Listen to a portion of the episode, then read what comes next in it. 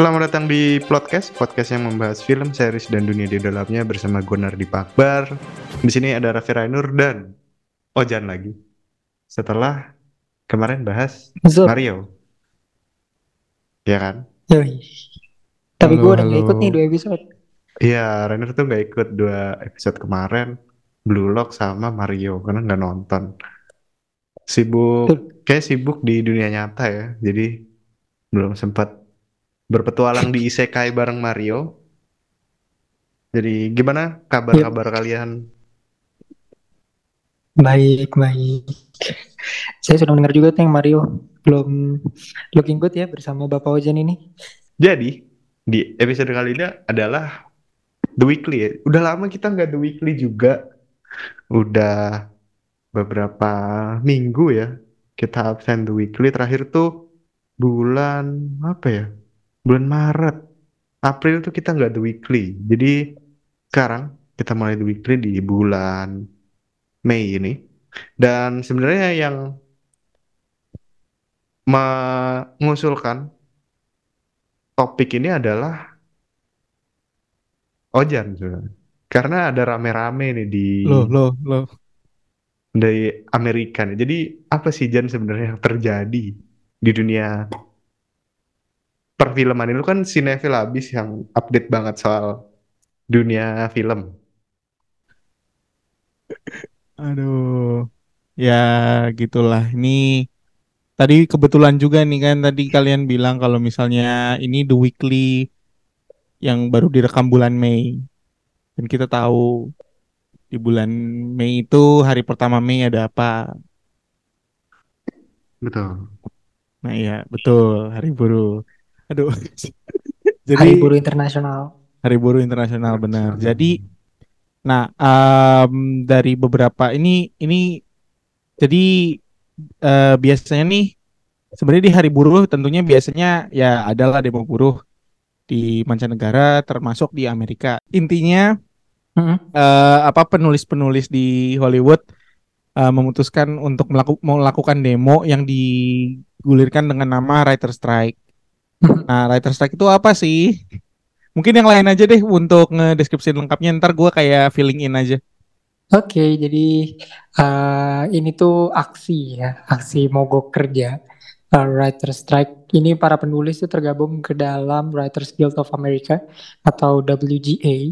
Jadi itu bisa dibilang mereka yang tadi kayak kata Ojen bilang karena hari buruh ya. Saya percaya seluruh buruh di dunia itu menuntut yang pertama adalah kenaikan gaji obviously karena kalau kita ngomong di penulis di kancah perfilman eh, seperti yang gue cari-cari juga sepertinya isu ini tuh cukup besar ya dalam hal kenaikan gaji, stabilitas pendapatan termasuk dalam kontrak yang adil. Ternyata para penulis film tuh belum mendapatkan haknya gitu loh guys. Jadi ini yang berusaha diperjuangkan oleh eh, para writer-writer di luar sana. Nah ini Betul, betul, satu betul. hal juga nih yang pengen gue highlight guys adalah status masa depan penulis dengan hadir, hadirnya artificial intelligence. Ini dibahas juga di eh, Writers Guild of America, terutama tahun ini ya, dengan hadirnya aplikasi AI kebanggaan umat zaman sekarang yaitu ChatGPT. Ini itu dengan hadirnya AI ini ternyata para writers ini mempertanyakan status masa depan mereka gitu. Ini udah gaji nggak naik ya kan, pendapatan nggak Hmm. stabil, muncul lagi sebuah kemudahan yang bisa dibilang bisa aja menghancurkan karir mereka gitu. Nah, dari pengantar tersebut, what do you guys think tentang writer strike ini gitu?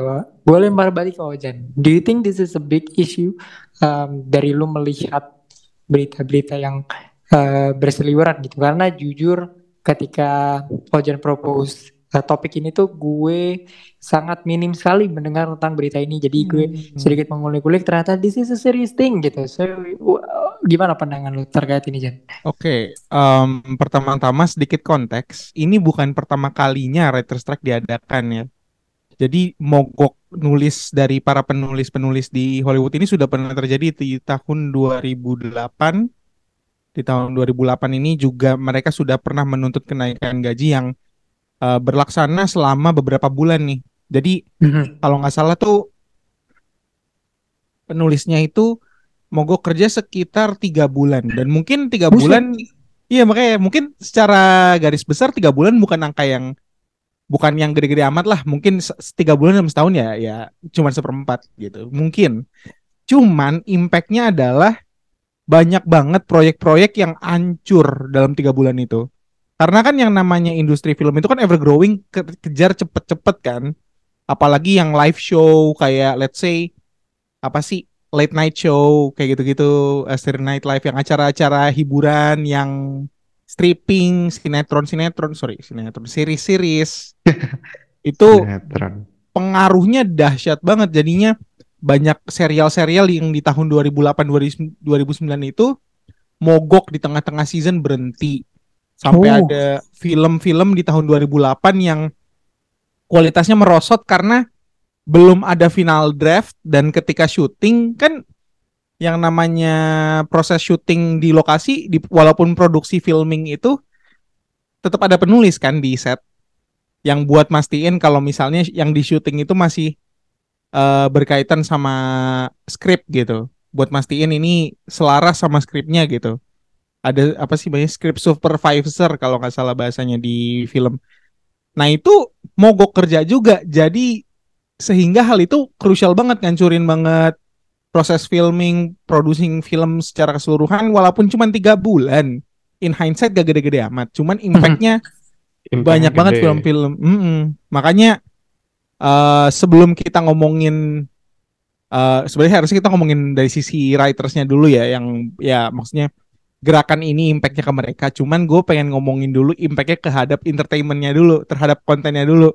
Karena gue yakin eh, sebagai mungkin kita sebagai kita apa kita sebagai movie enjoyers di sini ya eh, kita tentunya ya kita tentu respect sama pekerja-pekerja yang ya tadi yang butuh keadilan dan segala macam kita tentu semangat itu cuman in the end kita kan sebagai consumer kita consume things kan dan itu yang Yes. final product yang kita rasain makanya eh, gue eh, ngasih eh, konteks dulu kenapa tadi gua nge-propose topik ini juga ke kalian karena eh, ya tadi eh, gua gua takut banget nih writer strike ini kan juga belum tahu nih tiga bulan doang atau gimana kan juga belum tahu Bener Iya bisa kan? jadi lebih panjang bisa kan? jadi lebih panjang dan so far banyak banget eh, project-project yang sudah kena impactnya yang nanti mungkin Betul. bisa bisa kita bahas ke depan. Eh, cuman ya maksudnya dari segi konteks itu dari yang sudah pernah terjadi di tahun 2008 dan terjadi lagi 15 tahun setelahnya rasanya gila aja gitu loh impactnya walaupun ini sesuatu yang bahkan kayaknya di Indonesia maksudnya mungkin tidak terlalu di highlight mungkin kalian juga baru tahu pas gue cerita ini gitu gitu sih mungkin gue sedikit konteksnya eh, ya gitu sih Oke oke. Eh, ada dua hal yang common sih sebenarnya di tahun antara 15 tahun yang lalu dengan sekarang ya, yaitu adalah resesi ekonomi sih. Gue rasa itu juga berpengaruh besar di Amerika kan. 2008 tuh kalau gue nggak salah juga impact ke nggak cuma Amerika tapi ke Eropa juga. Jadi probably ada hubungannya dengan hal itu. Tapi gue nggak mau jauh, lebih jauh dari itu ya. Cuman eh, there's the thing in common antara eh, dua tahun tersebut di mana writer strike terjadi gitu sih. Ada hal yang mau lu tambahin Nar? nggak banyak banget sih cuman memang menurut gua perlu lebih terutama di Indonesia ya penulis itu benar-benar harus dihargai lebih sih menurut gua karena film yang penulisannya jelek itu kan lu tahu sendiri ya kualitasnya kayak gimana gitu. Hmm. Gue gak boleh ketawa ya ini. eh ya ini ini bener bahkan banyak Iya, serius. sutradara yang bisa direct bagus tapi nggak bisa nulis gitu. Gua nggak perlu sebut lah. Lu pasti udah tahu sutradara-sutradara yang kayak gitu tuh yang kayak gimana. Lu bisa lihat kualitas filmnya ditulisnya sama siapa gitu. Jadi eh, menurut gua mereka nih berperan sangat besar gitu. Yang kadang suka nggak dilihat gitu terutama di Indonesia. Malah menurut gua Indonesia kalau bisa ya harus ikut gitu. Apalagi di Indonesia dengan mungkin tekanan ya kayak kayak Ojan tadi bilang sinetron itu parah men tekanannya. Lu bisa nulis setiap hari Bener-bener. demi Ratusan episode stripping gitu ha, bahkan. Nggak usah penulisnya bahkan artisnya pun kalau lu pernah dengar interview-interview beberapa sinetron tuh sampai artisnya eh misal mereka lagi sakit gitu jadi Oh, mereka tahu tetap syuting. mereka tetap syuting gitu. Oh. dan keadaan Gue misal tahu nih, ini ini eh, ini interviewnya si siapa sih main eh, GGS Prilly Latukonsina tuh dia juga bilang kayak dia, dia bilang kayak gitu. kelar syuting dia infus gitu. Jadi gila banget ini. Gila. kesehatan kesehatan pekerja-pekerja film di Indonesia tuh masih nggak nggak belum diperhatikan dengan baik gitu. Yang baru diperhatikan kan baru yang di film gitu. Serial dan sinetron itu belum. Jadi menurut gue mungkin Indonesia juga harus melakukan ini mungkin karena eh itu perlu gitu. Dan mungkin kalau si writer strike-nya ini berkepanjangan impact-nya pasti akan besar gitu. Apalagi banyak lah Marvel. Kita mungkin masuk ke film-filmnya ya. Marvel Mm-mm. itu mulai masuk ke phase berapa sekarang? Lima. Phase 5 Phase udah lima. beberapa film yang agak terganggu. Nar Blade Blade itu terganggu banget. Nah, Blade Blade kayaknya nggak usah ada sih menurut gua. Tapi itu nanti itu beda lah. Cuman eh, itu terganggu banyak. Terus DC lagi mau mulai lagi. James Gunn mau bikin Superman lagi. Itu terganggu juga. I- betul betul. Superman Legacy Walaupun- terganggu juga. gue pikir kayaknya James Gunn akan lebih menunggu daripada membiarkan kualitas filmnya acak-acakan. Terus dan franchise-franchise besar. Nah. Itu Superman katanya lanjut ke produksi oh lanjut makanya siapa yang nulis soalnya katanya pengen barengan produksi sama Fantastic Four juga sekarang udah mulai tahap udah Hmm. lewat tahap tahap writing nih makanya Hmm. kan mungkin dalam beberapa bulan ke depan akan ada The Weekly ngomongin casting Superman jadi ya Waduh, ngerinya. Bener-bener. gitu. Tapi ya uh, back again ke writers sih menurut gue mereka juga pivotal point ya dalam pembuatan Hmm. film itu. Selama ini orang selalu highlighting ya pasti aktor aktris ya aktor frontliner aktris sutradara sutradara, produser, ya kan. Bahkan menurut gue eh apa composer itu juga lebih banyak kredit bahkan dibandingkan sinemato writer. gitu. sinematografer pun lebih dapat banyak Iya. highlight daripada penulis. Writers. Padahal tuh menurut gue film ya enak ditonton tuh kalau penulisnya juga bagus. Ini menurut gue ya karena Betul. banyak betul. banget film yang tadi Nara bilang ya, terutama film Indonesia yang eh bagus dari segi uh, sinematografinya dan lain-lain gitu ya. Tapi eh, mohon maaf tapi writingnya ass banget gitu. Jadi um, we need to pay attention a lot kepada writers. Banyak banget writers-writers di Hollywood ya guys. Eh, kita lihat harus mengganti skrip berkali-kali kalau kita bertiga kan juga fans superhero ya. Ada beberapa Hmm. kasus di mana eh, naskah tuh harus dibongkar pasang gitu kan. Bahkan Iya, gue lupa betul, di betul. film apa ya, kalau nggak salah Doctor Strange Multiverse of Madness tuh si pemerannya America Chavez bilang eh, naskah Doctor Strange tuh ganti 31 kali. Gue nggak tahu ya gue over exaggerated atau enggak. Tapi itu menunjukkan Mhm. kalau iya se- Sepenting itu gitu. sepenting itu gitu. Sebenarnya ya dan we need to pay attention a lot Betul, more. betul, Menurut betul. kalian gimana? Gue gua kau aja deh. How how important is the writer's role menurut lo? Should we uh, memberikan atensi lebih kepada mereka? Oh, gua gua mostly agree sih karena eh, tadi tadi btw adding up ke Marvel, eh, gua nggak tahu yang soal Doctor Strange, tapi yang gua tahu Quantumania itu nge-rewrite entire final act-nya ketika udah kelar syuting, kayak udah kelar syuting, kelar editing CGI tiba-tiba final second eh third act kita ganti total ya gitu. Jadi kayak kayak memenuhi rating ya Jan ya. Iya. Jadi kayak um, back again, uh, kalau gua mungkin bisa bilang writers itu penting dan bahkan uh, gue bilang tadi kan kita ngomongin film nih, gue pengen nitik beratin ke series karena series itu yang tadi kita juga ngomongin soal sinetron juga, gue ngerasa Mhm. dengan longevity yang lebih panjang kan, durasi yang lebih kok lebih lebar, peran writer tuh penting banget. Mau itu writing sitcom kayak, mau itu writing drama kayak, mau itu writing apa. Kalau series kacau di tengah atau kacau ya penulisnya satu aja itu ngerusak satu satu season bisa hancur gitu.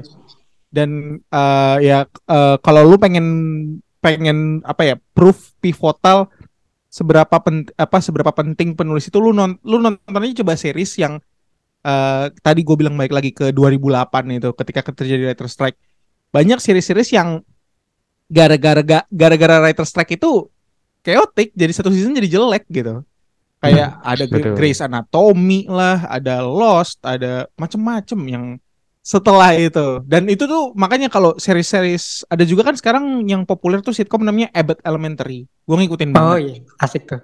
Dan banget. Keren so- banget, penting banget itu penulisan di situ. masalahnya semua case-nya itu semua writers. Jadi kayak kalau semua writersnya mogok, gak ada yang main juga. Mereka juga nggak bakal main gitu.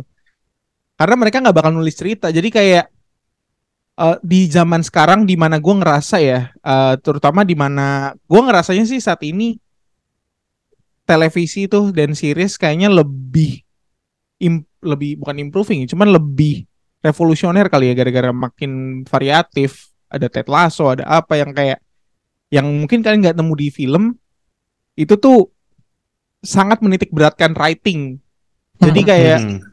gue ngerasa sih seberapa krusialnya writing tapi bukan di film mel- melainkan di televisi gitu kalau gue Sebegitu pivotalnya gitu. Betul, Ah, betul, betul. writers gitu dan gue yakin nggak banyak orang yang ngasih uh, flowers lebih kepada uh, writers ya biasanya ngomongin sutradaranya lah produsernya lah aktor Um, lah aktris lah inilah itulah jadi menurut gue sangat penting juga kayak tadi sama Ojan bilang tuh ibaratnya apa ya jantung dari sebuah show dari sebuah film Bisa sih bisa.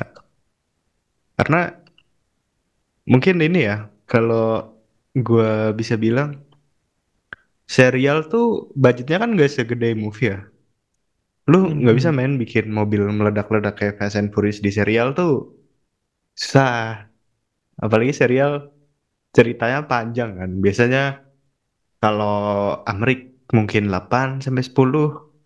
Kalau Korea tuh 12 sampai 16. Bahkan kalau lu lihat eh, drama Cina tuh bisa 24 bahkan lebih. Jadi memang writer nih penting banget gitu teman-teman di serial. Dan kalau ngomongin soal writer, gua ngerasa malah eh, ya walaupun sama-sama ada ketidaksehatan dalam lingkungan bekerja ya, cuman gua nggak tahu kenapa di Korea tuh gue lebih kenal sama writernya, writer show ya.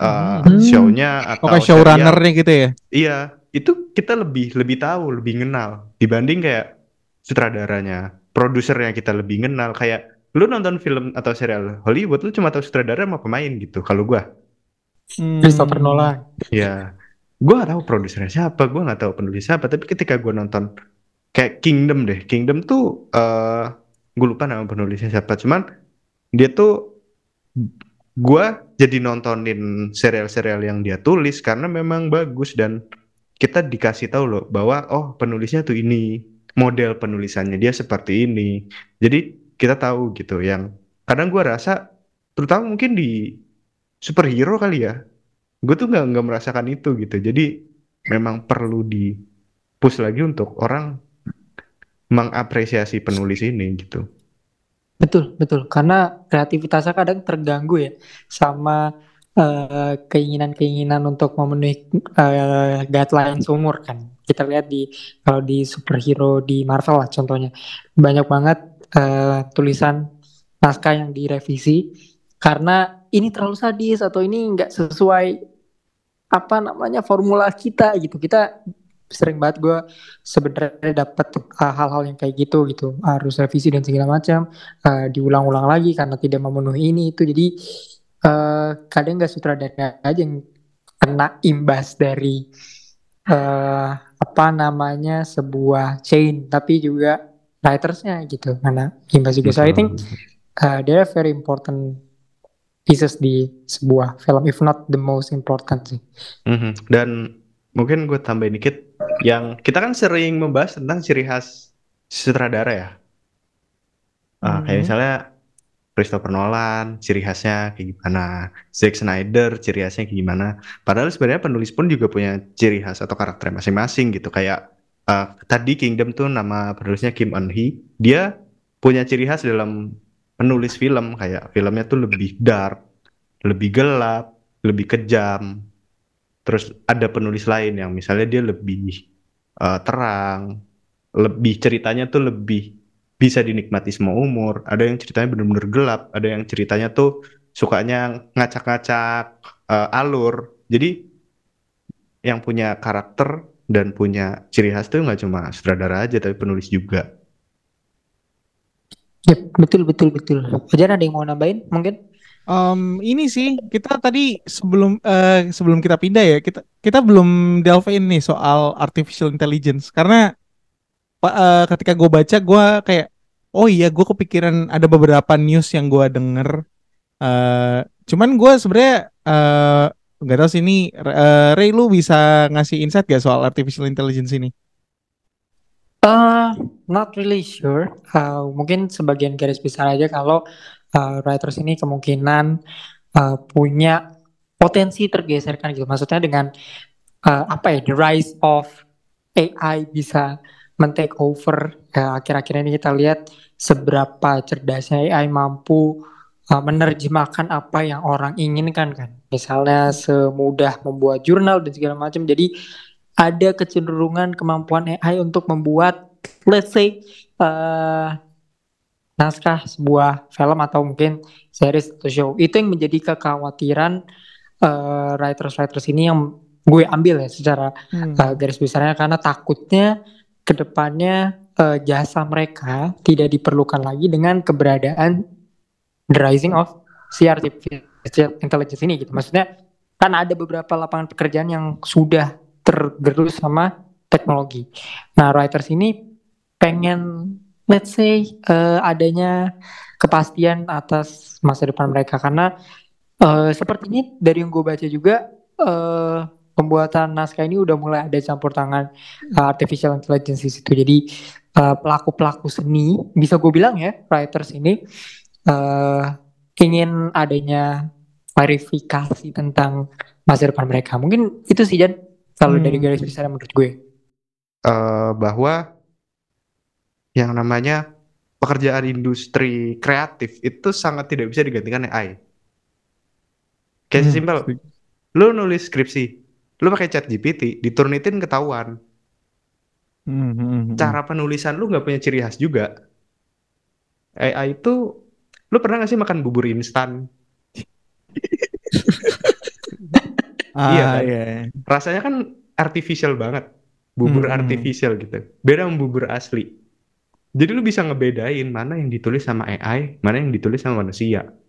AI itu bagi gua tidak punya karakter, tidak punya ciri khas. Kalau lihat AI, lu suruh AI gambar, dia hanya menggabungkan penggambar ah, pelukis A, B, C, digabungin ya udah jadi. Hmm. Dia nggak punya ciri khas. Manusia itu kan punya kelebihan dikasih kemampuan untuk berkreativitas. Walaupun bisa jadi mengcopy dari alam, tapi punya punya inilah punya sesuatu ciri khas yang nggak bisa dilupakan gitu. Lu eh, masak pakai mesin sama masak pakai tangan itu kan beda ya. Lu masak nasi di rice cooker sama masak nasi di tungku apa tungku kayu bakar itu kan beda. Jadi menurut gua akan sulit tergantikan gitu. Apalagi nih seni yang di mana dinikmatinya bukan bukan secara cuma-cuma gitu. Lu bayar gitu untuk mendapatkan ini. Jadi menurut gua akan susah sih untuk digantikan gitu. Kecuali saking lazy-nya dan saking bodohnya masyarakat sampai bisa ditipu AI itu itu beda lah. Hmm. Cuma kalau lu beneran menikmati sebuah film dan cerita, pasti ketahuan mana yang ditulis AI sama enggak gitu. Ditulis Iya, iya. penulis yang nggak punya logika sama punya logika aja lu bisa bedain kan. Jadi Hmm. akan Hmm. berbeda gitu. Ah, Oke, oke. Dari lu gimana Jan? Iya, eh, tadi sih bener sih yang gua gua rasa mungkin arah ini kali ya lebih ke arah AI nggak punya personality kali ya itu ya yang Mhm, maksudnya ya. Betul, Nah, iya. betul. Ya, namanya juga Eh, artificial kan. Ah, namanya artificial. Nah, gua sebenarnya tadi tuh kenapa gua kayak agak nitik beratin artificial intelligence karena gua baru keinget eh, kalau nggak salah semenjak semenjak pandemi apa ya eh salah satu company saya nggak usah sebut company-nya apa kayaknya kalian bisa nebak Eh, salah satu company terbesar di Hollywood sudah memulai menggunakan algoritma dan artificial intelligence untuk menentukan eh, pitch-pitch film apa aja yang bakal di greenlight sama mereka Oh, itu oke, oke. depannya W belakangnya B oke Oh, seperti ini ya. Eh, waduh, Wahyu Bambang apa nggak tahu deh. Oke, oke. Warung bakso Ketebak sih Jan sebenarnya. Tapi selalu kasih tahu inisialnya gue makin waduh. Oke. Cuman tetap menurut gua kayak bakal jelek sih hasilnya kalau pakai AI full. Kayak ya we still don't know karena teknologi Iya. kan Ah. eh, apa ya terus membaik gitu siapa tahu cuman eh, in near I future don't, I don't know karena kalau ngomongin kayak algoritma dah algoritma YouTube misal Hmm. nggak membaik juga maksudnya kayak orang terkenal tetap dengan cara ya masing-masing gitu tetap nggak Hmm. bisa lepas tangan dari tangan manusia Cuman gue mungkin mau adding up ini nih yang sebenarnya kenapa gue sadar nih kenapa word writers nih sebenarnya agak takut sama AI gue paham banget karena let's be real film-film saat ini cukup banyak yang formulaic dan kalau formula udah Setuju. udah kebentuk lu bisa basically ngasih rumus ke AI terus kayak oke Benar-benar. Syarat yang syarat yang lu harus penuhin eh, kan kalau chat GPT itu cara kerjanya lu ngasih prompt kan Nah, basically lu kasih aja prompt sesuai syarat-syarat formula yang udah lu pastiin. Oh, penonton target demografik gue sukanya A, B, C. Oke, bikin film dengan karakter ini, ini, ini, ini, ini. Udah. Karena udah formula, si GPT belajar dari formula film-film yang udah rilis. Ya makanya jadi lebih possible. Sedangkan Mhm. kalau dulu kan dengan film yang sangat variatif, dinamis dan segala macem, mungkin AI gak bisa kayak formula A B C dipelajarin gitu karena semua film Mhm. beda-beda gitu.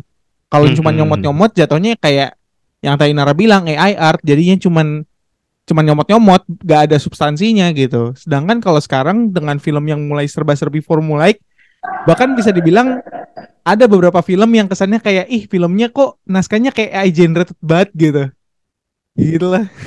Ya, setuju gue. Karena eh, ini sih eh, untuk adding to aja nih, gue lebih men- lebih sedikit lebih setuju karena eh ya itu film-film formulated dan gue yakin sekali ya teknologi mungkin let's say bukan hari ini juga gitu tapi let's say 5 to 10 years from now gitu ya. Eh, karena 10 tahun sebelumnya kita nggak ada yang pernah menduga kan? Kalau hal ini bisa mempermudah lah istilahnya. Dan gue yakin para filmmaker di sana juga pengen dipermudah jalannya dengan you just formulating something dan give it to the technology gitu. Dalam hal ini si AI-nya jadi I think justru yang ditakutkan sama writers yang gue juga amini adalah kemampuan AI untuk doing something more sih than this yang mereka takutkan kan sebenarnya bukan sekarang gitu tapi Hmm, probably how they see this technology akan evolving in the next 5 to 10 years gitu. Mungkin itu itu gue rasa yang ditakutin sih karena kan tadi gue bilang kepastian. Jadi lu butuh jangka panjang. Nah ini kira-kira dengan ini aja chat GPT yang baru meledak let's say 365 hari terakhir ya. Mereka tuh udah dapet uh, the fastest atau apa pun uh, yang usernya itu dapat 2 juta atau lebih tuh chat GPT men. Jadi Iya, dia paling cepat. mungkin orang fastest orang growing tuh- ya. Iya, fastest growing gitu. Eh, salah satu teknologi yang menurut gue mungkin orang-orang eh para pekerja seni dalam hal ini juga writers bahasanya ketar ketir lah ketemu teknologi yang punya potensi untuk menghancurkan karir mereka gitu. Itu itu nature-nya nature-nya manusia sih. Eh, gue rasa. Jadi memang eh, harus ada regulasi. Gue yakin di writers um, strike ini pengen ada regulasi ke depannya untuk eh, apakah filmmaker ini pada masa depan akan menggunakan teknologi fully dalam hal ini AI ChatGPT untuk eh, istilahnya turun tangan menghandle bagian writing atau masih dibutuhkan tenaga-tenaga manusia untuk eh, let's say doing something in this case adalah writing gitu. Sebenarnya possible ya untuk untuk digantikan AI. Cuma itu tadi gitu dia akan formulated gitu. Yang bikin nanti jadi bosan. Ngerti kan maksud gua? Tapi kalau bosan itu menghasilkan box office, why not nar? You know what I mean? Kayak sekarang aja dengan film yang formulated, let's say kita ngomongin franchise terbaik yang sering kita bicarakan nih, Fast and Furious. Kita tahu that that movie is us gitu ya, secara penulis dan lain-lain. Tapi lanjut terus selama itu Ada pasarnya. ribu ribu di uang gitu. itu itu yang tadi kalau lu perbandingin sama YouTube ya, let's say Hmm. algoritma YouTube. Algoritma YouTube tuh jeleknya kepada eh, kreator kecil, kreator gede digedein. The same goes as Hollywood sih. Kalau misalnya ada algoritma di mana AI ini bisa membuat skrip yang tadi Ojen bilang sesuai dengan formula yang diinginkan dan pada akhirnya itu box office. Lu sebagai eh, production house kenapa tidak menggunakan lagi gitu? Doing the same. Jadi menurut gue ya itulah kenapa para writers ya posisinya sama kayak pekerja kali ya.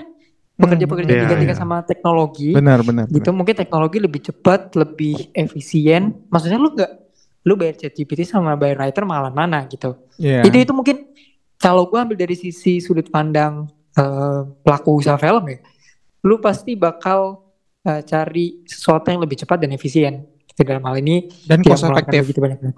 Mm-mm. itu dia Mhm. gitu Bisa. mungkin itu itu dari pandangannya tapi kalau dari writers ya kita balikin ke kita sebagai pekerja biasa aja karena kan writers pada akhirnya sama aja kayak orang-orang di luar sana gitu yang bekerja Mhm. untuk sesuatu gitu that's why ya gue sebenarnya berharap apakah mereka akan digantikan pada suatu masa iya tapi mereka juga butuh eh, keadilan sih di sini Betul, betul, betul, Hmm. betul. Iya sih. Berat ya? Iya. Memang, memang, memang bisa aja. Walau eh, bisa jadi juga nanti entah kalau lu ingat film Charlie and the Chocolate Factory, itu kan bapaknya tukang ini nutupin odol. Tapi pada akhirnya dia merger, merger, merger dengan si teknologi itu dengan jadi teknisi Yes. gitu. Mungkin someday Betul. akan ada masanya malah jadi merger gitu. Cuma kita- ya who knows sih. Walaupun gue Benar. sebagai posisi gue kan di sini sebagai penikmat lah, Hmm. penikmat film. Gue malah gue juga cukup takut kalau sampai nanti penulis diganti AI gitu karena gila men, bayangin lu nonton film template-nya adalah ada orang bukan siapa-siapa dapat kekuatan terus ketemu musuh musuhnya diceramain kelar seribu Hmm. film kayak gitu gila gue nggak gue vakum men nonton film kalau sampai itu terjadi Yep, yep. Nggak, gue Cuman gue know. gue jujur bakal Jan? sedih sih kalau let's say Oscar Best Adapted Screenplay, Best Original Screenplay, nominasinya robot semua gue kayak anjir apaan sih? Bayangin speech mereka gimana ya nanti. ya? Spesial di kompos pakai chat GPT lah gimana ya? iya dan ChatGPT bikin speech Oscar gitu. jadi Iya. tidak asik gitu ini kan industri Yep. kreatifnya tidak kreatif gitu Nah itu dia. Jadinya kreatifnya dari mana walau oh teknologi bisa bikin ini berarti teknologi kreatif gitu. Pasti ada pemikiran-pemikiran seperti itu. Cuman mungkin tidak sekarang ya. Sekali lagi mungkin tidak sekarang immediately writers dan pekerja di luar sana akan digantikan sama teknologi. Yang diinginkan adalah how they live together. Itu yang, itu yang gue harapkan terjadi gitu. Karena Mhm. you can deny the fact kalau teknologi akan terus evolving gitu. Dan apakah itu bisa terjadi? Ya that's why ada si writer strike ini gitu. Semoga ada regulasi-regulasi yang sekiranya tidak menghancurkan karir writers yang udah mana eh, namanya tidak harum di dunia perfilman gitu, ya kan? Tidak dapat kredit juga pula. Di kredit Betul. ada, tapi orang-orang lebih memuji orang-orang lain yang di frontliner gitu di dunia film. So I think Uh, thank you juga untuk Bapak Ojen ya sudah propose ide ini karena ini sangat penting sekali ya untuk podcast film seperti kita untuk uh, wake gitu ya, untuk dibangunkan Hmm. atas uh, isu-isu kayak gini karena uh, we need more attention kepada penulis naskah yang harus ganti naskah 31 kali supaya Doctor Strange tidak kelihatan mengerikan ya. Jadi emang uh, sulit untuk menjadi uh, writers gitu. Karena kalau lu gue tuh habis ngobrol ya guys. Ini kebetulan banget lagi ngobrol kayak gini. Ini lagi-lagi gue bahas Fast and Furious lagi fuck.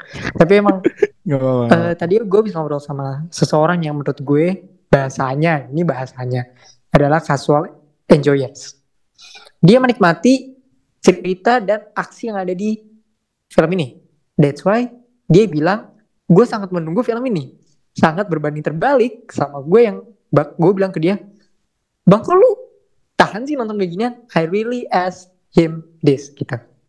Dan ya karena sudut pandang gue, gue mau filmnya nggak cuma ada keledakan aja.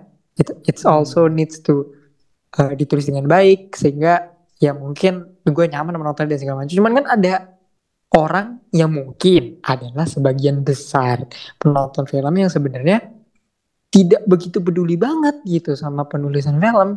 Jadi ya uh, it goes both ways. Ini mungkin yang ditakutin sama writers mereka udah mungkin sebagian besar penonton kagak peduli sama penulisan film ini lagi ditambah ada uh, ancaman-ancaman yang terjadi pada karir mereka. So yeah if you listen to Spotify lu boleh isi di section Q&A ya. Kira-kira apakah writers akan tergantikan dengan AI dan menurut kalian tentang uh, writer's strike ini seperti apa? Karena this is a, a very huge ini isu yang sangat besar ya guys untuk Betul, lo betul, film gitu. Karena nggak banyak loh orang kalau kita nggak usah ngomongin tentang equal pay atau uh, kesetaraan gaji atau gaji yang lebih tinggi. Kita ngomong writersnya dulu apakah sudah di appreciate di dunia industri Hollywood ini apa belum gitu. Itu yang ya bagi gue mereka juga butuh spotlight. Gue pengen nambahin terakhir gue baru ingat. Mhm. gue agak sakit hati gini kalau writing bagus yang diapresiasi director kalau writing jelek baru writer yang kena Exactly. Sama Gitu. kayak kiper di sepak bola. gitu. Iya. Dia saving Iya, iya a benar lot benar of benar. goals. People will not see them. Tapi kalau ada satu kesalahan yang sangat major, orang tuh akan menyerang mereka habis-habisan gitu. Karena ya mereka sebenarnya adalah pondasi dari each of Hmm. their world gitu. Betul Kiper dan betul. Bahkan writers gitu. istilahnya kayak ya sama kayak di bola gitu. Striker atau aktor main jelek pun dibayar tinggi lagi. Jadi unfair Betul. banget sebenarnya. unfair, unfair. Karena apa? Mereka frontliners. Hmm. di depan kan. Jadi striker kan di depan jadi kayak eh, mereka yang dilihat gitu, scoring goals ya kan, mereka yang dilihat di Highlight. Padahal kiper nih habis-habisan untuk melindungi eh apa namanya Gawang. project mereka gitu, Project. gawang sama Baru- writer sih. Baru akhir-akhir ini kan lebih di Iya. kelihatan. Mungkin nggak kiper ya, mungkin kayak gelandang gitu karena kan mereka Mhm. eh, otak dari bagaimana flow eh film ini akan berlanjut. gitu. Jadi menurut gue Betul, Iya betul, itu betul. Ojan tuh bener banget lagi asli. Waktu kerja juga kan mereka mereka tuh whole production loh guys. Jadi Mhm. setiap produk uh, produksi berjalan ini penulisannya kan jalan terus. Sementara ada aktor yang cuman muncul 5 menit gitu ya dalam film. Terus mereka tetap jadi highest grossing actors itu. Ah, Dwayne Johnson. Jadi kayak come on man, masa lu cuman muncul 5 menit dengan kedalaman acting yang tidak begitu dalam, tapi lu dibayar dengan jumlah bes- sebesar itu dibandingkan say writers yang harus entire production tuh dia kerja gitu. Bobotnya kan menurut gue gimana ya? Tidak sebanding gitu. Gue gak tahu sih eh, salary dari writers itu kalau kita perbandingkan sama actors dan actress berapa nanti gue akan cari lagi tapi gue yakin banget kagak ada sulit-sulit perbandingannya pasti Jauh lah pasti. Iya, jauh. Pasti Jauh. under, under- mungkin gak usah compare sama actor. Gue ngerasa dengan adanya writer strike ini pasti ada underpayment, ada underpaidnya ini. Sama Hmm. kasus kayak kayak buruh in general kayak Iya, Mhm. iya. untuk untuk jasa yang mereka keluarin ini pasti kalau mereka sampai demo sampai mogok kayak gini pasti urusannya Under- udah bukan sekedar underpaid atau overwork kan. Heeh, heeh. Apalagi tadi lu bilang dengan film yang udah mulai banyak rewrite tapi berkali-kali, rewrite di tengah Parah. film, di, di tengah film yang udah jadi di rewrite lagi. Kayak Apalagi kayak lu ya kita bisa sebut lah Marvel DC itu setahun keluarin film berapa banyak Hmm. banget.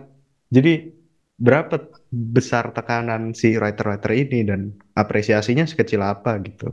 jadi emang eh, they need some recognition dan higher salary sih ini yang Betul. menjadi isu bagi para eh, apa ya pekerja seni dan banyak buruh di luar sana akhir-akhir ini Nakas juga eh, protes ya demo juga di Oh iya, oh Indonesia iya. so i- ada apa ini dengan eh, apa ya profesi-profesi ini gitu karena sepertinya memang eh, orang-orang yang lebih putting up the work itu justru malah nggak dihargai dengan harga yang pantas itu yang sucks gitu karena kan dokter juga eh, nakes ya terutama Aduh. kadang dokternya tinggi gajinya tapi tenaga-tenaga yang mengitari dia yang juga Kurang. menggunakan eh, kerja fisik yang menuntut, terutama pas COVID kemarin, itu kurang itu dan ya balik lagi ke betul. film.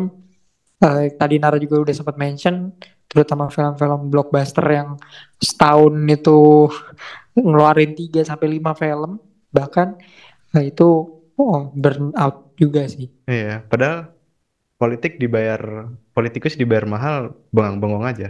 Mungkin next ya. Iya, ngapa-ngapain juga. Oke lanjut Nara.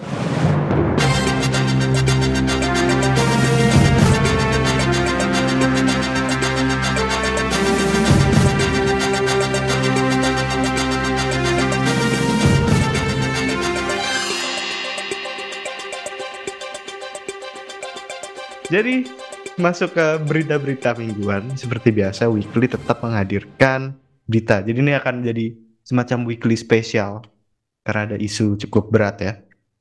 Jadi kemarin belum lama ini ada sebuah apa ya informasi bahwa akan ada nanti film animasi Avatar The Last Airbender yang direncanakan akan tayang tahun 2025 melanjutkan perjalanannya si Aang dan kawan-kawan dan gila ya udah lama banget gue nggak ngikutin Avatar karena kan dulu kecil Avatar kan The Legend of Aang habis itu kelar Korra nah sekarang mau ada lagi dengan mungkin gue harap dengan kualitas animasi yang lebih baik ya menurut kalian gimana apalagi sebelumnya kayaknya ada pernah ada eh, ini ya live action jadi Aduh, bagus lah itu. Tidak Waduh. ada live action di Basing Say. jadi Bagus lah itu. Ada eh, by the way, eh, ada satu teman gue, Charlotte Jasmine yang pernah hadir di sini juga. Dia tuh Mhm. suka banget loh sama The Last Airbender yang pertama. Ya mungkin itu kan selera ya. ya Nggak jelek-jelek amat, nggak sejelek Dragon Ball kok sebenarnya. oh Menurut gue, menurut gue, visual Mhm. efeknya aja yang bikin air monster airnya tuh jadi kayak gummy bear gitu. Mhm. Tapi kalian punya harapan gak sih buat Avatar ini apalagi udah gede kan dan lu mengikuti ini dari kecil jadi mungkin akan beda nih rasanya nonton dengan sekedar film-film lama yang dibawa balik. Em, jadi kalau Avatar lucunya gue eh, sedikit plug ya, sedikit promo di awal Show kita pernah bahas satu episode bahas soal Avatar dan Avatar Studios. Jadi ya pantengin juga kalau penasaran lengkapnya. Cuman intinya eh gue jujur excited sih. Apalagi ini kan bukan series lagi-lagi, ini film. Jujur kangen Ya. banget gue nonton film Hollywood 2D di bioskop. Udah Terakhir lama tuh ya. gue nonton lucunya terakhir gue nonton tuh di bioskop Hollywood tuh Teen Titans Go to the Movies itu tahun 2018 yang menjadikannya tujuh tahun setelah itu makanya gue kayak pas denger pertama kali Avatar jadi ada Avatar Studios terus jadi film dan salah satunya Avatar The Last Airbender ini ngelanjutin storynya The Gang G A A N G ini gue kayak excited sih excited jujur soalnya memang Avatar The Last Airbender sendiri itu one of the best kartun series yang pernah gue nonton dari awal sampai selesai dan ya karakternya semua lovable dan gue looking forward kalau misalnya ngelanjut jadi apa-apa sih Betul, betul, betul. Daripada bikin live action gagal mulu, jadi mending ini. Jadi ini cukup kita antisipasi ya. Karena ini terkenal banget kan. Bahkan waktu film Avatar tahun 2000 berapa tuh? 2010 ya. Mhm. Itu orang ngiranya Avatar ini gitu. Padahal bukan. Iya loh, sumpah. Bukan. Avatar The Last Airbender tuh ya, The, The Legend Iya. of Aang tuh kayaknya lebih besar daripada Avatar yang dibikin James Avatar Cameron. biru-biru Secara tuh secara beda. impact ya, secara Ha-ha. impact, secara ikonik tuh gue rasa sih nama Avatar tuh orang ngehnya ya terutama orang Indonesia masih si Aang, bukan Hmm. Avatar si biru James Cameron Biru, itu. heeh. Emang Betul, betul, Peniru. betul. Tadi kita sedikit menyinggung live action. Nah, kita masuk Waduh. ke live action. Hmm. menarik. Yaitu Little Mermaid. Ya. Yang dari awal keluar tuh udah dihujat habis-habisan karena pemerannya ganti. Ya Hmm. walaupun gua pribadi nggak nggak terlalu mempermasalahkan kayak ya udahlah karena gua yang gue cari adalah kualitas acting gitu. Kayak The Last of Us pemeran juga nggak mirip tapi bagus gitu. Cuman si Little Mermaid ini yang paling gue bikin kesel adalah di sini ini kayak nggak belajar sama apa yang mereka lakukan di apa tuh singa-singa? Oh, Lion King. Lion King. Ah, Lion iya. King live action itu lu kayak nonton National Geographic di dubbing. Gak ada ekspresinya, gak ada lucu-lucunya. Discovery Channel. Dan lu ulangin lagi di Little Mermaid gitu. Ikannya dibikin. Mana gue pernah ini lagi eh, semacam kerja lapangan di sebuah perusahaan ikan hias gitu. Jadi gue ngebayangin ikan-ikan ini ngomong gitu. Ya Allah, kenapa gitu? Kayak padahal udah ada contoh untuk lu bikin karakternya stay lucu gitu. Kayak ada Sonic, ada Pokemon. Pokemon itu live action kan? Hmm, iya, Tapi kan Pikachu-nya tetap- Pikachu ya. Iya, Pikachu-nya tetap bulat-bulat kuning lucu gitu. Nggak dibikin apa, rubah apa gimana gitu, enggak kan? Nah ini kenapa dia tetap maksain untuk jadi hewan beneran gitu. Gua gua nggak ngerti sih sama Disney. Mereka terobsesi banget buat membuat sesuatu jadi realistis yang di mana Benar.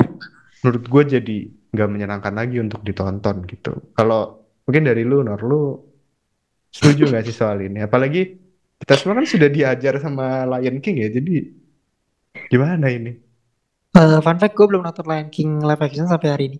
Jadi memilih untuk tidak ya, karena gue tidak mau masa kecil gue ruin. Sama sepertinya kayak ini, gue tuh nih don't get me wrong ya, gue gak ada masalah sama Halle Bailey, nggak ada masalah sama sekali. Cuman, mohon maaf, karakter desain di seluruh karakternya ya. Ini gue nggak ngomongin Ariel aja, karena banyak banget orang yang eh, going personal. Menurut gue seluruh karakter yang ada di film ini sangat-sangat, aduh, how to put put that in word ya karena Little Mermaid is very iconic sekitar dekade lalu lah kita tahu gimana kalau kita ngomongin strata princess ya lah Ariel tuh one of the one of the goat lah uh, Hmm. kalau kita ngomong gitu dia itu sangat iconic sekali karena dia berada di alam yang berbeda dibandingkan princess-princess lain so that's why orang tuh uh, lebih mengingat Ariel dibandingkan let's say uh, princess kayak Rapunzel atau mungkin Aurora gitu kan. Orang tuh lebih ingat Ariel karena animasi Little Mermaid juga bagus. Kita kan, ada gimana ya? Iya oke, lu nggak bisa judge eh film berdasarkan let's say trailernya aja atau looksnya aja. Gue lihat tuh SJW SJW buzzernya Little Mermaid ngomong kayak gitu. Tunggu aja filmnya pasti bagus gitu. Cuman kan eh kalau lu adaptasi sesu- sesuatu gitu ya, at least lu harus setidaknya mirip lah dengan apa yang lu adaptasikan gitu. Ya kan? Eh, contohnya ini nih contoh doang gue tidak berusaha bring up praise atau se- segala sesuatunya cuman sempat ada topik di mana perbincangan Superman kan mau jadi Black tapi Kal-El sempat tuh kan ada topik Hmm, ya, perbincangan ya, Kal-El-nya ingat, ingat, yang ingat. Black Clark Kent ya. bukan si siapa ya Falzot, Superman Black Falzot. Ah, Falzot. Falzot. Sempat ada kan perbincangan di mana Michael B Jordan itu jadi Superman Black tapi Kal-El. Maksud gue that thing gitu loh. Lu tuh kalau mengadaptasi sesuatu kalau bisa setidaknya serupa dengan apa yang lo adaptasikan. Ada satu gambar di Twitternya, gua nggak tahu kalian udah lihat atau enggak. Si Halle Bailey ini eh, dijadiin setidaknya mirip banget sama Arielnya gitu. Dalam artian rambutnya lah, eh, wardrobe-nya dan segala macam. Dan menurut gue itu bagus banget. Nah, eh, Ariel tuh di animasinya putih gitu kan, rambutnya merah dan segala macam. Eh, dia berkulit hitam gitu. Dengan ini, dengan itu, menurut gue it's not about the race gitu. It's about how Ariel should be look gitu. Gue gak masalah dengan apakah yang memainkan itu orang Asia ke atau orang kulit hitam ke atau siapa pun. At least make her red, make her um, make her hair red gitu. Setidaknya itu. Itu yang bikin uh, banyak orang frustasi karena kok Arielnya begini, kok pangeran siapa namanya? Uh, ya the, the, the Eric. Eric. Eric, ya sorry, pangeran Eric itu kayak gelandangan gitu kan. Hmm. Terus si Flounder sama Sebastian yang kayak eh, hewan yang udah setengah kena climate change gitu kan. Jadi kayak I don't know man. Hmm. Ini filmnya suram gitu. The only Iya, thing iya. that's good sepertinya Ursulanya. Ursulanya eh lihat oke. Tapi the others not looking good. Not looking good. Hmm. Very not good. Karena biasanya kalau sesuatu yang di bawah laut kan kita expectnya something different. Kayak let's say film apa yang di bawah laut? Oh Aquaman. uh, Black Panther itu indah kan. Aquaman Ini sama dari trailer iya iya benar-benar. trailer The Little Mermaid tuh kayak kagak ada indah-indahnya. Bahkan Kan- lautnya gelap anjir. Kayak kan kalau di Little Mermaid, kalau di Little Mermaid kan lo tau gak sih scene iconicnya Sebastian yang dia main musik itu sama yang lain itu kan berwarna banget men. Sama kayak Atlantis di Aquaman 2018 di bawah laut tapi berwarna gitu. Tapi ini tuh kayak udah karakter desainnya semuanya itu kayak pucat banget, gelap banget. Orang kan kayak nggak tahu deh, kita lihat aja nanti. Benar-benar benar. Karena ya itu tadi yang gue bilang terobsesi jadi realistis, jadinya nggak fantasi lagi, nggak Iya. Hmm. kayak gue gua kan lihat trailernya pas di dalam air tuh kayak pas gue kerja di Bali tuh kagak ada sinematik sinematiknya bener-bener jadi laut doang gitu laut Butek ada orang coy, lautnya juga butek gitu. Mm-mm. kayak Gelap. kalau mau fantasi fantasi sekalian aja kayak Aquaman atau Exactly. eh, Black Panther gitu fantasi bener-bener dibuat seindah mungkin jadi ditonton tuh enak gue gak tahu apakah dia ingin membawa apa karena lautnya udah tercemar kali ya ini laut Jakarta gue juga nggak tahu cuman ya kita lihat Ya. nanti sih gue skeptis banget karena terlalu realistis di film fantasi itu akan jadi jelek biasanya Hmm. Eh, eh btw gue punya beberapa hot take nih soal Little Mermaid. Apa? Tadi Main ada beberapa aja, hal, main ada aja. beberapa hal Mainkan. tadi ya. Pertama soal tadi Lion King. Lo belum nonton live action, gue belum nonton kartunnya sama sekali bahkan. Itu satu. tapi lu udah nonton Rugi live sih, action? lu, lu hidup lu, lu udah berapa tahun sih hidup? 23 tahun, 22 tahun, lu rugi banget. Lu Lu, rugi, Jan. lu sesungguhnya adalah orang-orang yang merugi. Enggak, gue gue itu malah memang memutuskan untuk you know what, gue nggak akan nonton Lion King buat jadi conversation starter Oh, Oh. sebagai manusia yang tidak pernah nonton Lion King. Kan Lion King adalah film yang paling ditonton sepanjang masa. iya, Gue dengan bangga bilang gue belum nonton. lu gila sih. Aduh, Tapi tapi oke lah. tapi Oke, gue tahu Lu jangan tapi nonton live actionnya dulu, jangan dari oh, oh ya of course of course of Nah, course. iya, jangan, itu haram itu. Berhenti aja jadi bahas film lu. Enggak, ini tuh lucu banget. Oke, you say. Terus soal Little Mermaid, Eh pertama tadi kalau nge- eh, ngebales Nara ya soal ikan, soal hewan yang rea- realistis itu, gue jujur juga gedek banget sama eh, direction yang mereka ambil. Mereka malah ambil direction Lion King. Padahal Disney, lu nggak usah jauh-jauh dari eh, company lain. Disney udah pernah perfect, bukan perfect ya, tapi Disney udah pernah ngejawab solusi dari masalah itu. Cara bikin hewan kartun tapi live action ada. Contohnya tuh di ini Pinocchio yang di Disney Plus. Itu kan ikannya Oh, kan iya, iya, iya, matanya iya, iya. lentik kayak kartun. Itu kartun. Cuman kayak gua nggak ngerti kenapa di situ malah dibikin yang kayak kepiting kayak buset tuh kayak kepiting dari got lah. Terus ikannya kayak ikan yang lo bilang ikan hias di pasar minggu lah apa gimana kayak itu. Yang ketiga gini Halle Bailey itu cantik cantik banget lu kalau lihat dia di di Met Hmm. Gala, lihat di mana. Gue gue jujur gak ngerti kenapa make up dia di Little Mermaid tuh bikin dia seakan-akan kayak gue gak ngerti kayaknya seakan-akan di whitewash in a way kayak pengen dibikin Mhm. kayak make up kulit putih dipakai ke orang Salah kulit hitam jatuhnya gitu loh. jadi iya nih bahkan gue sebagai cowok bisa aware kayak kayaknya ada yang janggal gitu tadi lu bilang lebih ke karakter desain bukan bukan masalah racial Iya. tapi karakter Hmm. About that, Jan. It's in about that. Mm-mm.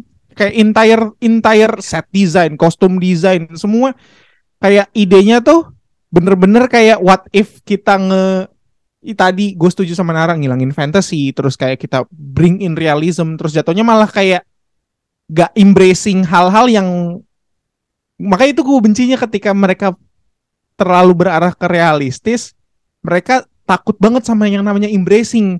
Lu pengen lu pengen nge-race swap Ariel tapi nggak berani embracing si Halle Bailey sebagai ya black black mermaid gitu tapi malah dibikin seakan kayak white terus kayak Iya, macam ragu-ragu. deh kayak ragu-ragu kayak itu ya gue su gue bencinya dari seluruh live action Disney in general kayak half ass semua mau Aladdin mau Lion Lion King kayak kayak itu yang mereka nggak half ass dan gue yakin akan bagus cuman satu musik Halle Hmm. Bailey suaranya Exactly. bagus soundtracknya bagus gue dengerin sampai habis itu doang ya kayak udah gue Ya cuman kan musik tidak bisa menolong keseluruhan film lu kalau Betul. visualnya tidak sangat menarik ya guys. Setiap setiap karakter yang keluar itu dihujat dan kayak Hmm, maksud gue benar benar benar benar. nggak ada nggak ada trust untuk film ini gitu sejak awal ya. Jadi kayak ya udah. Betul, betul. Ke beberapa film berikutnya. Jadi eh, ada ini dua yang sebenarnya mereka udah lama tapi lanjut terus yaitu ada The Hunger Games, Ballad of Songbirds. Kalau lu ingat banget dulu tuh zaman-zaman tahun berapa ya? Pokoknya film-film teenager survival itu tuh lagi booming-boomingnya kan, Hunger Games apa. Nah sekarang The Hunger Games keluar lagi dan akan juga ada nanti The Equalizer yang ketiga. Dan menurut gue nih cukup gila ya si eh siapa namanya? Siapa Nur? eh The Equalizer. Eh, Denzel Washington. Denzel Washington dia udah tua sebenarnya. Cuman masih aja nih kayaknya nggak mau kalah sama aktor-aktor senior lainnya yang juga tahun ini mulai ini ya, mulai main-main film lagi dan action-action gitu. Tapi kalian cukup menunggu nggak sih sama film ini gitu? Mungkin terutama The Equalizer 3. Saya sangat menunggu sekali karena Denzel Washington is one of my most favorite actors. Eh, dua film Equalizer tuh seru banget, men. Seru banget. Eh, underrated projects ya. Eh, ini seru Mhm. banget. Ya model-model kayak, Ih, gue nih sempet ngakak ya pas lihat ada di Twitter Black John Wick. Ya kayak, eh, karena asik banget, men. Lu ngelihat, lu selalu ngelihat orang eh, tipikal-tipikal film seperti ini ya. Ya John Wick, The Equalizer, terus apa lagi? Eh, Born, em, Ya, Born Trilogy kalau gue nggak salah.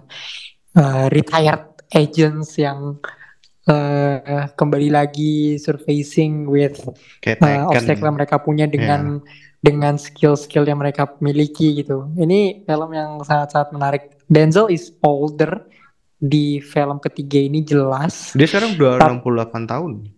Exactly man, tapi di dua filmnya kemarin aja dia masih bisa ya karena kan filmnya juga tenang banget ya si karakter Hmm. utama I forgot who is the name cuman em, ini must watch sih menurut gue sekali Hmm. lagi ini Denzel Washington man apalagi dua Hmm. film sebelumnya tuh gak ada yang flop sama sekali ya maksudnya kan biasa kalau film kedua eh, mitosnya adalah sequelnya Hmm. tidak begitu bagus walaupun gue sangat lebih menyukai yang pertama jujur aja cuman eh, you gotta watch the first two movie karena eh, penting untuk nonton film keduanya karena kan ini continuity juga Hmm. Eh, jadi ini film Dan- yang tidak bisa lo tonton film keduanya aja atau film pertamanya aja gitu. Lo Harus nonton dua-duanya karena quality man.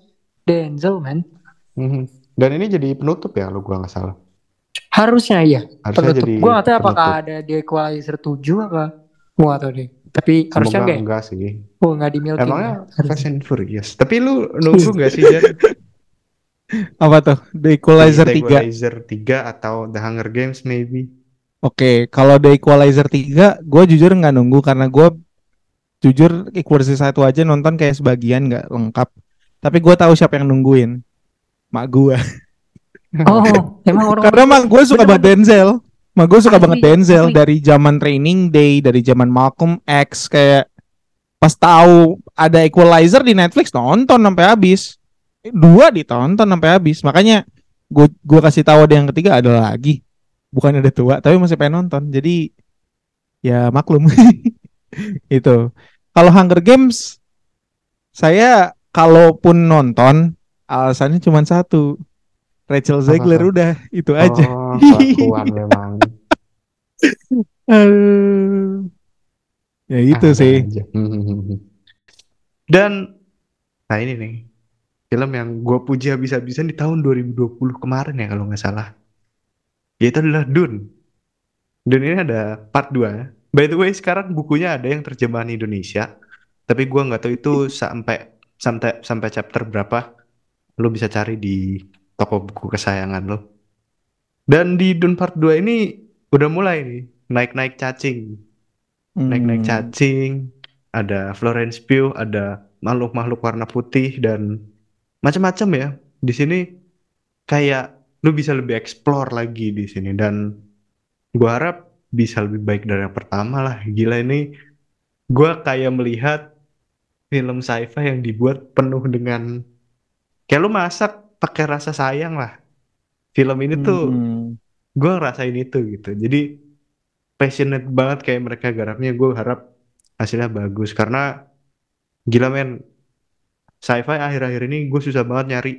Apalagi sci-fi sci-fi yang aneh-aneh kayak gini yang sebenarnya kalau dipikir nggak masuk akal gitu. Lu bertamasya keliling galaksi tapi perangnya pakai pedang. Cuman gue sangat menunggu sih Dune Part 2 ini. Kalau lu Jan sebagai orang yang juga menikmati Dune. Ya, sebagai tamu yang diundang untuk ngebahas Dun ya di podcast ini, ya nungguin lah jelas lah ya. Maksudnya gue nonton Dun pertama di bioskop 2021 BTW bukan 2020. oh 2021 ya 2020 pandemi gitu. oh iya deng Nah, iya, itu gue inget banget tuh Dun 1 itu same day di HBO Max. Makanya nih Iya. Dun Part 2 eksklusif di bioskop akhirnya. Dan memang bagi kalian yang nonton Dun, kalau Dun 1 mungkin pas rilis di bioskop di di website-website sudah ada yang HD, tapi jadi Hmm. kayak opsional gitu. Sedangkan kalau sekarang Dun 2 lu wajib nonton bioskop dan memang sudah sepatutnya nonton di bioskop. Karena Dun itu emang bukan cuman film, itu experience. Yang kayak basically ngutip lah. Ngutip obrolan kita kemarin. Jadi kayak waduh apalagi ditambah sama cast-cast yang tadi lu bilang. Ada Florence Pugh ada Austin Butler dari Elvis kemarin dari banyak banget lah.